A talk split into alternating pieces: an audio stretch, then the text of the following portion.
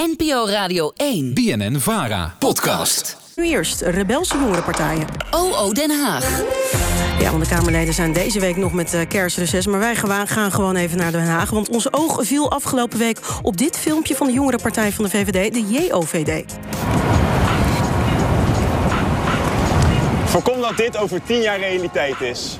Zorg ervoor dat er echt werk wordt gemaakt van klimaatbeleid in 2023.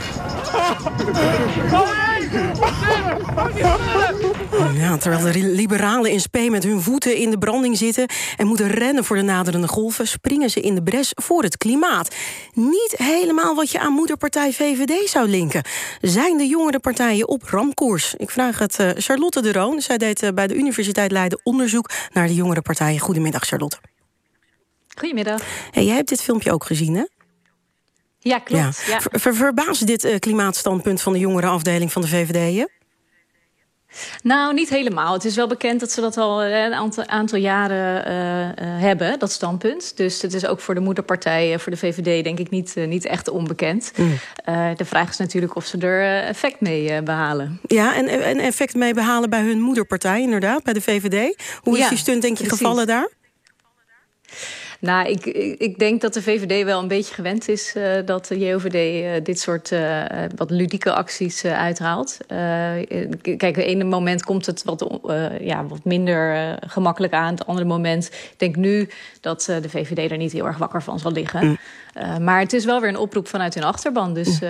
dus wat dat betreft zou het toch weer, weer een beetje beweging kunnen sorteren. Ja, is, is dat ook de functie van politieke jongerenpartijen? Om een beetje uh, rebels te zijn tegen draads? Nou, ik denk dat de belangrijkste functie is dat ze een verbinding kunnen maken tussen jongeren en politiek. Uh, iets wat, waar de partijen zelf niet altijd heel goed in slagen. Uh, dus daar zijn altijd wel zorgen over. Uh, dus dan is het goed dat er in ieder geval clubs zijn waar jongeren politiek actief kunnen zijn. En, en, dan zie je ook dat ze hun standpunten zelf kunnen gaan ontwikkelen en, en, innemen. En dan zie je ook wel eens dat dat botst met de moederpartij. Dus ik denk dat het daaruit volgt dat ze af en toe wat tegendraads zijn. En ook proberen de partij scherp te houden. Ja, en de partij scherp te houden, dat, dat doe je natuurlijk ook door voortdurend in gesprek te blijven met de partij. Is er dan voortdurend ja. overleg tussen zo'n jongere partij en een moederpartij? Ja, ik denk dat er meer achter de schermen gebeurt dan, uh, dan zichtbaar is. Dus uh, de jongerenorganisaties zitten vaak wel aan tafel... of bij, uh, bij het partijbestuur of bij de, bij de fractie. maar zijn ook heel actief op de congressen. de ene wat meer dan de andere. maar wel bijvoorbeeld door middel van moties op het congres... dat ze proberen hun standpunten aangenomen te krijgen... zodat de partij daar ook echt mee aan de slag moet. Ja, even, even voor de duidelijkheid, hè? want we hebben het hier over jongere partijen... maar dit zijn geen partijen die ook echt zich verkiesbaar kunnen stellen, toch? Nee, nee, klopt. Nee, ze zijn dus wel echt verbonden met de politieke partij. Uh, dus zij hebben ook uh, inderdaad, uh, doen zij niet mee met verkiezingen. Mm -hmm. maar ze zijn, ze zijn officieel verbonden aan, aan de politieke partij. Dus de meeste partijen hebben zo'n jongerenorganisatie. en ja, op die manier proberen ze dus de invloed via hun moederpartij vooral uit te oefenen. Ja, dus bijvoorbeeld STIP in Delft, ook een jongerenpartij, even tussen aanhalingstekens, ja. die wel echt meedoet aan de verkiezingen. Kunnen we dan ook niet echt als een jongerenpartij bestempelen, of wel? Nou ja, zij zijn, uh, zij zijn echt opgericht als politieke partij. Dus zij doen ook zelf mee met, uh, met de verkiezingen. Mm. Uh, en proberen dus ook lokaal in zo'n studentenstad als Delft... echt de, de jongerenstem te laten horen. en zijn dus ook formeel, hebben ook zetels in de gemeenteraad. Dus zijn ook formeel echt een partij. Dus wat dat betreft zou je kunnen zeggen... dat zijn, is een jongere partij. Ja. terwijl de jongere organisaties van die partijen in Den Haag...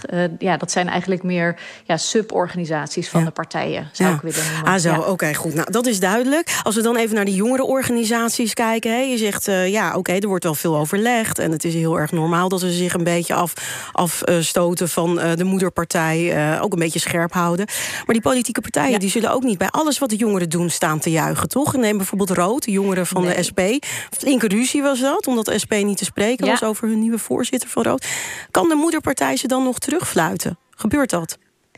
Ja, dat gebeurt wel. En ik denk dat dat het meeste gebeurt achter, achter de schermen. Kijk, een partij zit natuurlijk nooit echt op openlijke kritiek te wachten. Daarom vind ik die jongerenorganisaties ook wel, wel interessant, fascinerend. Want die, die durven dat aan. Uh, en die, die gaan ook vaak openlijk tegen zo'n partij in. Nou, bij Rood uh, was dat wel verrassend. Omdat uh, Rood en de SP eigenlijk altijd best wel een nauwe relatie hadden.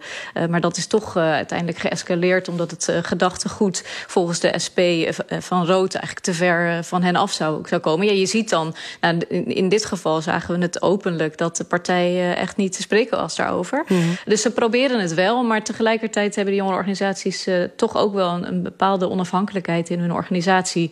Uh, dus helemaal uh, terugfluiten, ja, dan, dan moet je zover gaan als dat je inderdaad die jongerenorganisatie afstoot, zoals ja. de SP heeft gedaan. Ja, ja, en dan kun je zo'n jongere. Dat is drastisch. Dat is ja. best drastisch. Je zou een jongerenpartij dus kunnen zien ook als een manier om te oefenen met de politiek ook. Nou blijkt uit jouw onderzoek dat 60% van de nieuwe Kamerleden onder de 30 jaar bij een jongerenpartij vandaan komt. Wat zie je daar nog van terug in de Tweede Kamer? Uh, die, die rebelsheid, zie je dat nog terug? Uh, ik denk wel dat jonge Kamerleden ook wat vrijer zijn en wat, wat, wat, wat vaker nieuwe ideeën durven in te brengen. Maar tegelijkertijd, ja, kijk, ze nemen die achtergrond wel mee. Dus er is wel wat nauwer contact tussen zo'n Kamerlid en de jongerenorganisatie dan uh, een Kamerlid wat geen achtergrond heeft in jongerenorganisatie. Dus voor de jongerenorganisatie in ieder geval is het wel gunstig als, uh, als oud-leden of, of hun leden onder de 30 hmm. verkozen worden. Want dan hebben ze ook weer makkelijker contact. dus ik weet niet of je heel concreet dingen kan aanwijzen, maar ik denk wel dat het in ieder geval helpt om die jongere geluiden uh, in de Kamer terug te horen. Ja, en dan is er nog een grote, nou ja, een, een heuvel wat, wat in de Tweede Kamer ook speelt, gebrek aan diversiteit. Dan zou je toch richting die ja. jongere partijen uh, moeten kijken of daar die diversiteit. Hoe zit het daar eigenlijk met de diversiteit? Ja, dat, dat is wel een aandachtspunt. Het is, uh, ik heb over de tijd uh, gekeken. En uh, nou ja, de, de genderbalans is iets verbeterd over de tijd. Maar verder blijven het toch gemiddeld wel vaak mannen hoog opgeleid uit de stad. Hmm. en, dus we kunnen blij zijn dat zij het in ieder geval voor elkaar krijgen. Of een bijdrage aan het, dat jongeren verkozen worden in onze Tweede Kamer. Want leeftijd is natuurlijk ook een ja, belangrijk kenmerk ja. voor diversiteit. Maar als je kijkt naar, naar die andere kenmerken, dan zullen zij denk ik niet enorm bijdragen aan een wat diversere samenstelling van de Tweede Kamer in de nabije toekomst. Dus daar valt nog wel winst te behalen als je ergens wil beginnen. Dan zou je ja. bij de jongere partijen dus moeten beginnen. Ja, nou zeker. Ik denk als de jongeren uh, geïnteresseerd zijn in de politiek, uh, dan is het een heel mooi uh, instappunt. Want je kan heel ja, redelijk vrij even kijken of het wat voor je is. Je hoeft bij, vaak bij de jongerenorganisaties ook niet eens lid te worden van de moederpartij meteen. Dus je kan ook eerst alleen lid worden van de jongerenorganisatie. En dat geeft toch ja, een wat makkelijkere omgeving om eens te kijken of het iets voor je is en, en, en wat te oefenen inderdaad. Ja, en eens even lekker tegen die gevestigde orde aan te trappen. Ik wil. Precies, als het nodig is, dan kunnen ze dat ook doen. Ik ja, wil je precies. bedanken, Charlotte de Roon, onderzoeker naar politieke jongerenpartijen bij de Universiteit Leiden. Meer van de Nieuwsbv? Volg ons op Instagram. Rechter